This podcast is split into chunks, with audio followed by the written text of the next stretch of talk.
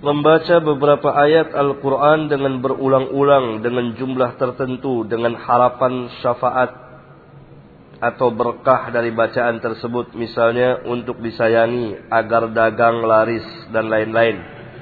Apakah perbuatan itu dibenarkan sesuai dengan akidah Islamiyah yang hak? Tidak benar. Ini menjadikan Quran sebagai jimat. Tidak benar. Al-Quran hudan linnas. وبينات من الهدى والفرقان هدى للمتقين Ayat-ayat Al-Quran dijadikan mantra-mantra tertentu untuk tujuan tidak benar. Pernah seorang wanita cantik. Bisa dikatakan sangat cantik. Datang kepada saya bertanya.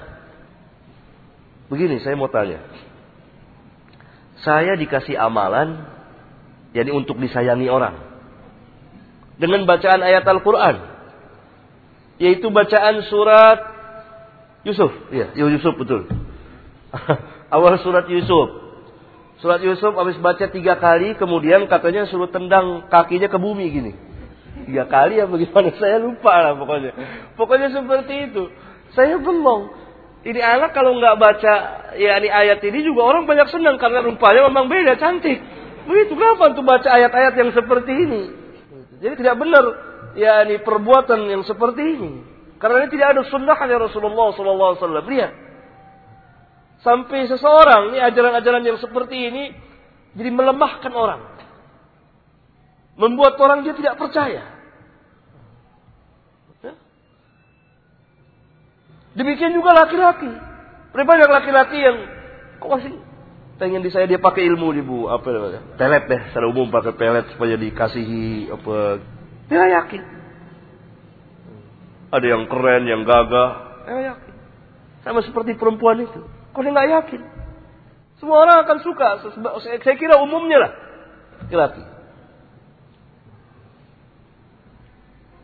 coba yang kan berbahayanya cara-cara seperti ini berkembang di negeri kita. Mencari barokah-barokah yang disyariatkan. Al-Quran ada barokahnya? Ada barokahnya. Apa barokah Al-Quran? Banyak sekali. Di antaranya akan memperoleh pahala. Membaca per huruf. Akan menjadi penawar bagi jisim. Bagi hati dan bagi jisim. Lebih dari itu akan menuntun kita ke jalan yang hak. Dan seterusnya. Ini keberkahan Al-Quran Al-Karim.